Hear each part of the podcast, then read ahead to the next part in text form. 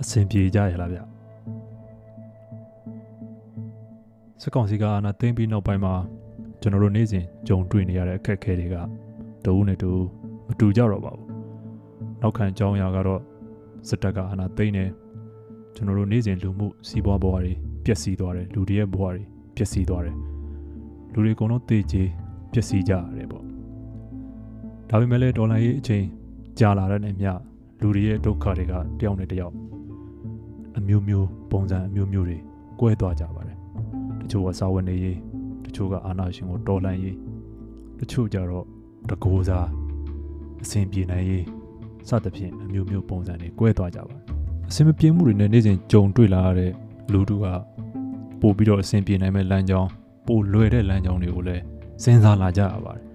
လွယ်လွယ်ကူကူရတဲ့ငွေအထူးသဖြင့်နှလုံးထိုးတာချဲထိုးတာစသဖြင့်ဒီလိုလုပ်ငန်းတွေကိုလည်းလူတွေကပို့ပြီးတော့အာရုံစိုက်လာကြပါ အရင်တော့ကပျောက်တလုံးနေနေဖြစ်သွားတဲ့ဘိုးတော်ရောင်ရောင်ဟိုရောင်ရောင်ဒီရောင်ရောင်လူတွေအများကြီးပြန်ပေါ်လာတာတွေ့ရတယ်တို့သဖြင့်လူငယ်တွေကြားမှာလည်းဒဲရော့ပုံစံမျိုးတွေနောက်တစ်ခုကရှေ့ဖြစ်ဟောနောက်ဖြစ်ဟောပုံစံမျိုးတွေလည်းအများကြီးပြန်မြင်လာရပါတယ်အဲဒါကတော့မြို့ပေါ်မှာနေတဲ့လူတန်းစားတွေအတွက်မြင်သာထင်သာရှိတယ်လို့ပြောရမယ်ပုံစံပေါ့ဒါပေမဲ့နေမှာရှိတဲ့လူတွေကြားထဲမှာတော့ multi level marketing လိုမျိုးနောက်ပြီးတော့ဖုန်းခေါ်ပြီးတော့ငွေတောင်းတာမျိုး စသဖြင့်အဲ့လိုပုံစံတွေအများကြီးတွေ့လာပါတယ်။ရင်းနှီးမြှုပ်နှံမှုလုပ်တယ်ဆိုပြီးကုမ္ပဏီထောင်းအဲ့ဒီကနေငွေတွေယူသွားလိမ်လည်သွားတဲ့အမှုတွေအများကြီးဖြစ်ခဲ့ပါတယ်။ဆိုတော့ဒီလိုပုံစံတွေကဟိုအရင်တုန်းကတည်းကကျွန်တော်တို့စီမှာရှိခဲ့ပြီးသားပါပဲ။ဆိုတော့2016 2019အထူးသဖြင့်တော့ပြန်ကောက်ရရင်ဒီတယ်လီဖုန်းတွေ SIM card တွေချောချောချူချူရခဲ့တဲ့ချောင်းချောင်းလဲလဲရခဲ့တဲ့2012နောက်ပိုင်းမှာပို့ပြီးတော့ဒီဖုန်း နဲ့ပတ်သက်တဲ့လူလိမ်လုပ်ငန်းတွေပို့ပြီးတော့ထွန်းကားလာတာတွေ့ရတယ်ပေါ့။ဆိုတော့ကျွန်တော်ကြုံမှုခဲ့တဲ့အဖြစ်အပျက်လေးတစ်ခုကိုဖောက်တယ်ချကြပါတယ်။ရခိုင်ပြည်နယ်စစ်တွေမျိုးကနေပြီးတော့မောင်တော်ကိုသွားမယ်ဆိုရင်အဲဒီတုန်းက2016မတိုင်ခင်ကာလပေါ့။အဲဒီတုန်းကဆိုရင်ကျွန်တော်တို့မောင်တော်ကိုသွားခြင်းနဲ့ဆိုရင်စစ်တွေကနေပြီးတော့တောင်ပေါ်ရင်တချို့ကတော့အဲတောင်ကုတ်ကနေလေရင်ကမတက်နိုင်တဲ့သူတွေကတောင်ကုတ်ကနေပြီးတော့ တဆင့်လေးနဲ့သွားကြတာပေါ့ဘုံနဲ့သွားကြပါတယ်ဆိုတော့စစ်တွေကနေဆိုရင်တော့စစ်တွေကနေအဲဘူးတီတောင်ဟိုလေးနဲ့သွားဘုံနဲ့သွားအဲဘူးတီတောင်ကနေမှတစ်ခါမောင်တော့ကားသေးသေးလေးနဲ့သွားပါတယ်တကယ်တော့ဒီစစ်တွေမြို့ကနေပြီးတော့မြို့ပြင်ထွက်အဲ့ဒီကနေပြီးတော့လေစိတ်ကနေဟိုဘက်ကန်းအငူမောဆိုတဲ့နေရာကိုသွားရင်တနားရီတော့မကြပါဘူးဒါပေမဲ့လုံညိုရေးဆိုတဲ့အကြောင်းပြချက်ကြောင့်အဲ့ဒီလမ်းကိုပိတ်ထားတော့ မောင်တော်ကိုသွားကျင်တဲ့သူတွေကစစ်တွေကနေဘူးတီတောင်ဘူးတီတောင်ကနေမောင်တော်ဆိုပြီးသွားကြရပါတယ်တကယ်တော့စစ်တွေတစ်ဖက်ကန်အငူမော်ကနေပြီးတော့မောင်တော်အထိခဏလေးပါပဲသွားမယ်ဆိုရင်အဲ့ဒီလမ်းကကျမ်းပါတယ်ဒါပေမဲ့လည်းဘူးတီတောင်ကနေလေးနဲ့ပတ်သွားရတာတစ်ထက်စာရင်တော့အများကြီးအချင်းကိုတက်တာပါတယ်ဒါပေမဲ့ဒီလမ်းကိုလုံညိုရေးကြောင့်ဆိုပြီးတော့ပိတ်ထားခဲ့တာ1980ဝန်းကျင်လောက်ကလေးကပါပဲအတိအကျဆိုရရင်ငကားမင်းစီမံကိန်းဆိုတဲ့ဒီဒေသမှာရှိတဲ့မွတ်စလင်တွေ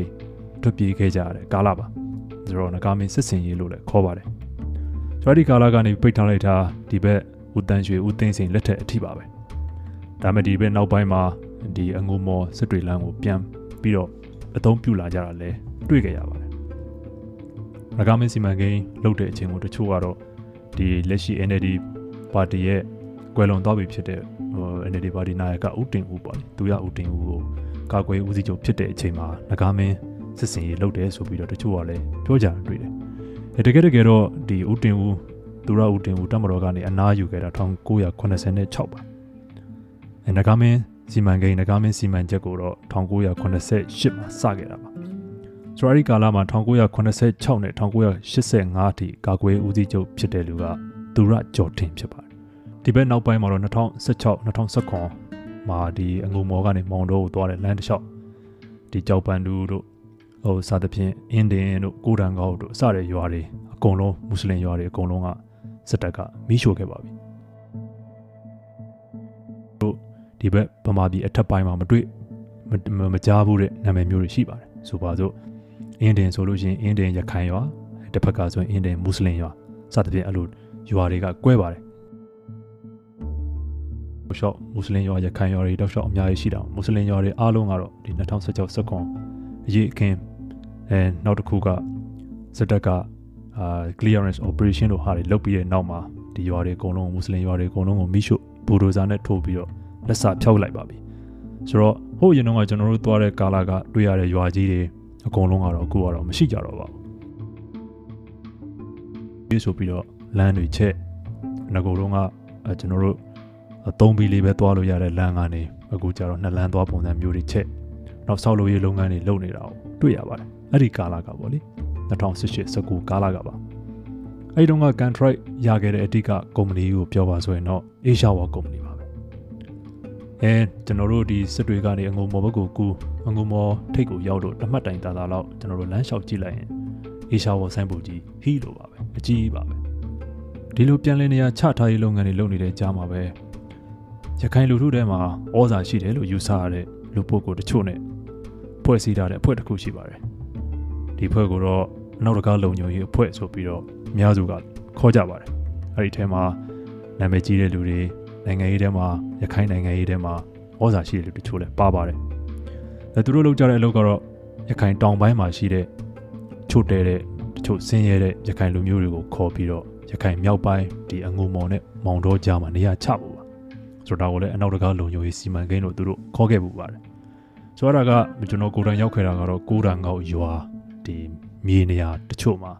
ဒီအင်ဂျီ20ကနေ30ကြာနေရာချထားတာတွေ့ရပါတယ်အဲဒီကိုရောက်လာကြတဲ့သူတွေကတော့ရခိုင်တောင်ပိုင်းဒီတန်ရွဲတောင်ကုတ်ကွာစသဖြင့်အဲ့ဒီဘက်ကချို့တဲ့တဲ့အဲ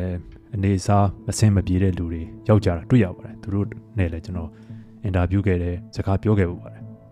နောက်ပိုင်းတော့လည်းအဲ့ဒီအနောက်တကားလုံးခြုံရေးဆိုတဲ့အဖွဲ့ကြီးကလည်းအတန်မကြတော့ပဲအဲ့ဒီမှာရှိတဲ့လူတွေရဲ့စာဝတ်နေတယ်အစင်မပြေလို့တချို့တော့လည်း ပြန်ကြတယ်တချို့လည်းတော်တော်အခက်အခဲဒုက္ခရောက်ကြတယ်လို့ဆိုပါတယ်အခုနောက်ပိုင်းတော့အဲ့ဒါတွေလည်းဘာမှမကြားတော့ပါဘူးခုနကဒီဖွံ့ဖြိုးတိုးတက်ရေးလုပ်နေတဲ့လမ်းပိုင်းတွေချက်နေတယ်ဆိုတော့ Asia War ကုမ္ပဏီကတော့အစပိုင်းတော့သူတို့ဒီသူတို့လုပ်ငန်းတွေကို social media ပေါ်မှာတင်မှုပါတယ်ဘယ်တရားတွေစောင့်နေပြီဘယ်လမ်းတွေကိုဖောက်နေပြီစသဖြင့်ပါနောက်တော့လဲသူတို့စာမျက်နှာပါပြတ်သွားပုံရပါတယ်မတွေးမိတော့ဘူးခုတော့အဲ့ဒီဘက်ကရွာတွေဘလို့ပုံစံတွေဖြစ်နေလဲတော့ သတင်းတွေထဲမှာလည်းမတွေ့ရလူတွေပြောတာလည်းမမြင်ရမကြားရတာကြားပါပြီအဲပြောချင်တာတော့ခုမှပါအဲ့ဒီအငူမောဆိုတဲ့ရွာကလေးပါဆိုတော့နေရာကလေးလို့လည်းပြောတချို့ကြောက်လဲအဲ့ဒါကိုရွာလို့ခေါ်ပါတယ်အဲအဲ့ဒီလေစိတ်အဝင်မှာမောင်ကိုလေးဆိုတဲ့လက်ဖေးဆိုင်ရှိပါတယ်ဆိုတော့ဆိုင်နာမည်ကတော့မရှိဘူးပေါ့ဒါပေမဲ့ဆိုင်ပိုင်ရှင်ကတော့မောင်ကိုလေးလို့လည်းခေါ်ကြတယ်တချို့ကြတော့လည်းကိုမောင်လေးလို့လည်းခေါ်ကြပါတယ်အဲစစ်တွေကနေကျွန်တော်တို့မောင်တော်ကိုသွားတိုင်းမှာ အဲ့ဒီလမ်းကိုအသုံးပြုမယ်ဆိုရင်ကျွန်တော်တို့အငုံမော်ကိုရောက်ရင်အဲ့ဒီဆိုင်မှာတစ်ထောက်နားကြပါတယ်အဲ့ဒီဆိုင်မှာနားကြပြီးရင်တခြားသတင်းထောက်တွေနဲ့စကားပြောကြဒါမှမဟုတ်လည်းဒေတာခန်တွေနဲ့ကျွန်တော်တို့စကားပြောကြပါတယ်ဆိုတော့ကိုမောင်လေးရဲ့ဆိုင်ပေါ့ဗျာအဲ့တခါတော့ကကျွန်တော်စကိုင်းစကိုင်းတိုင်းမုံလှရွာဘက်ကိုခီးထွက်ခဲ့ပါတယ်အဲကျွန်တော်ပေါ်တူဂီတွေနဲ့ပတ်သက်ပြီးတော့သတင်းဆောင်မရေးမယ်ဆိုပြီးတော့ကျွန်တော်ရဲ့သတင်းတပ်ပုံဆရာကိုဒေဇလိုင်းတို့အပအဝင်ပါကျွန်တော်တို့ခီးသွားကြပါတယ် အဲ့ဒီမှာကျွန်တော်မုံရွာအာမြို့အထွက်ပေါ့နော်အဲ့ဒီမှာအလုံဆိုတဲ့မြို့မှာအလုံမြို့မှာကျွန်တော်ကုန်းဝင်ဝဲပါတယ်ကုန်းဝင်ဝဲနေကျွန်တော်ဖုန်းမှာဖုန်းနံပါတ်အစိမ်းတစ်ခုဝင်လာပါတယ်အဲ့ဒါကျွန်တော်ဖုန်းကောက်ကင်လိုက်တော့သူကဘာပြောလဲဆိုတော့အကိုကြီးအခုဖုန်းနံပါတ်နဲ့နိုင်တလုံးရွှေဆွဲကြိုးတကုံကန်ဆန်းပဲပေါက်တယ်ဗျဟာကျွန်တော်တို့နည်းနည်းတော့အံ့ဩသွားတာပေါ့ဒါပေမဲ့ရုတ်တရက်ကျွန်တော်သိလိုက်ပါတယ်ဒါကဖုန်းနဲ့ငွေလိမ်နဲ့အမျိုးအစားပဲဆိုတာ ဆိုတော့ကျွန်တော်ကလည်းကျွန်တော်စီကိုဒီလိုဟာမျိုးများမလာဘူးလားဆိုပြီးတော့အရင်တော့စောင့်ခဲ့ဖို့ပါသေးတယ်ဗျာဒါနဲ့သူကဆက်ပါတယ်အဲ့ဒီပစ္စည်းလေးလာပို့ပေးခြင်းလို့အခုအိမ်လိပ်စာလေးပေးပါဦးတဲ့ကျွန်တော်နေတာဝေးတယ်ဗျာခင်ဗျလာပို့ပေးနိုင်ပါမလားမသိဘူးလို့ဆိုတော့သူကရတယ်ရတယ်မြန်မာနိုင်ငံထဲဆိုရင်ဘယ်နေရာဖြစ်ဖြစ်ရတယ်ကျွန်တော်ကမေးတယ်ပိုက်ဆံပေးရအောင်မလားဆိုတော့လမ်းစိတ်ပဲပေးပါကိုတဲ့ရန်ကုန်ကနေပို့ရမှာဆိုတော့လမ်းစိတ်က3000ခွဲလောက်ကျပါမယ် ဘာလို့လဲဆိုတော့ဒီဖုန်းနဲ့လိမ်နေသူတွေအများစုကသူတို့ကပစ္စည်းရောက်နေတယ်ပတ်စံဘလောက်ထည့်ပေးပါဒါဆိုရင်ဒီပစ္စည်းကိုပို့ပေးပါမယ်လို့ဆိုတာ哦အဲကျွန်တော်အိတ်စာကြတော့အဆန်းသူတို့ကပစ္စည်းလာပို့ပေးမယ်အဲ့ကြမှာလမ်းစီပေးပေါ့သူကပို့ပြီးတော့ယုံရတယ်ဆိုတာမျိုးပေါ့ဗျာဒါနဲ့လည်းကျွန်တော်ကကဲဒါဆိုလိပ်စာလိုက်မှတ်ပြဆိုပြီးတော့ရခိုင်ပြည်နယ်စစ်တွေမျိုးတစ်ဖက်ကန်အငူမော်ကိုမောင်လေးဆိုင်မှာမောင်ထွန်းရွှေလို့မေးပေးပါ အဲ့ဒီအိမ်ကနေပြီးတော့ငါးအိမ်ကျော်လောက်ရောက်ရင်မောင်ထွန်းရွှေရဲ့အိမ်ကိုရောက်ပါပြီရွာကတေးသေးလေးဆိုတော့မောင်ထွန်းရွှေလို့မေးရင်ဘယ်သူမှမဆိုသိပါတယ်လို့ကျွန်တော်ပြောလိုက်ပါတယ်အဲဒီကောင်မလေးကလည်းဖုန်းထဲကနေတေချာမေးတယ်အငူမော်ဆိုတာစာလုံးပေါင်းဘယ်လိုပေါင်းသလဲနောက်တစ်ခုကစစ်တွေမှာသူတို့အတိတွေရှိကြောင်းယုံခွဲရှိကြောင်းလာဖို့ပြရမှာလွယ်ကြောင်းပေါ့ကျွန်တော်စဉ်းစားကြည့်တယ်ဒီဖုန်းနဲ့လိမ့်နဲ့လူလိမ့်နေရနေရအနှံ့မှာသူ့လူတွေထားနိုင်တယ်ပြောချင်တာကပတ်ဝန်းကျင်မှာ လူတွေရှိနေပြီမဲ့ဒီလူတွေထဲမှာလည်းဒီလိုလိမ့်မှုအတွက်မွေးထားတဲ့လူတွေတော်တော်များများရှိနေတယ်ဆိုတော့ကျွန်တော်သဘောပေါက်လိုက်ရပါတယ်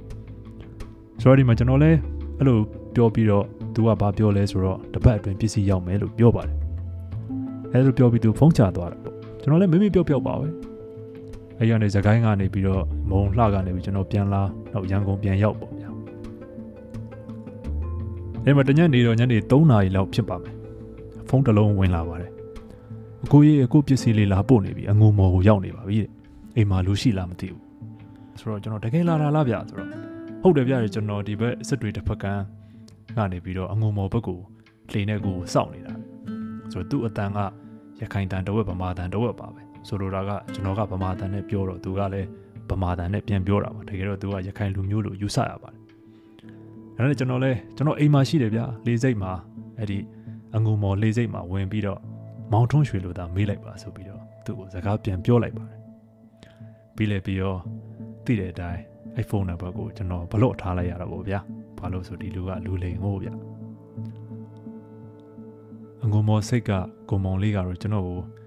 ကြိတ်ဆဲနေမလားတော့မသိပါဘူးဗျာ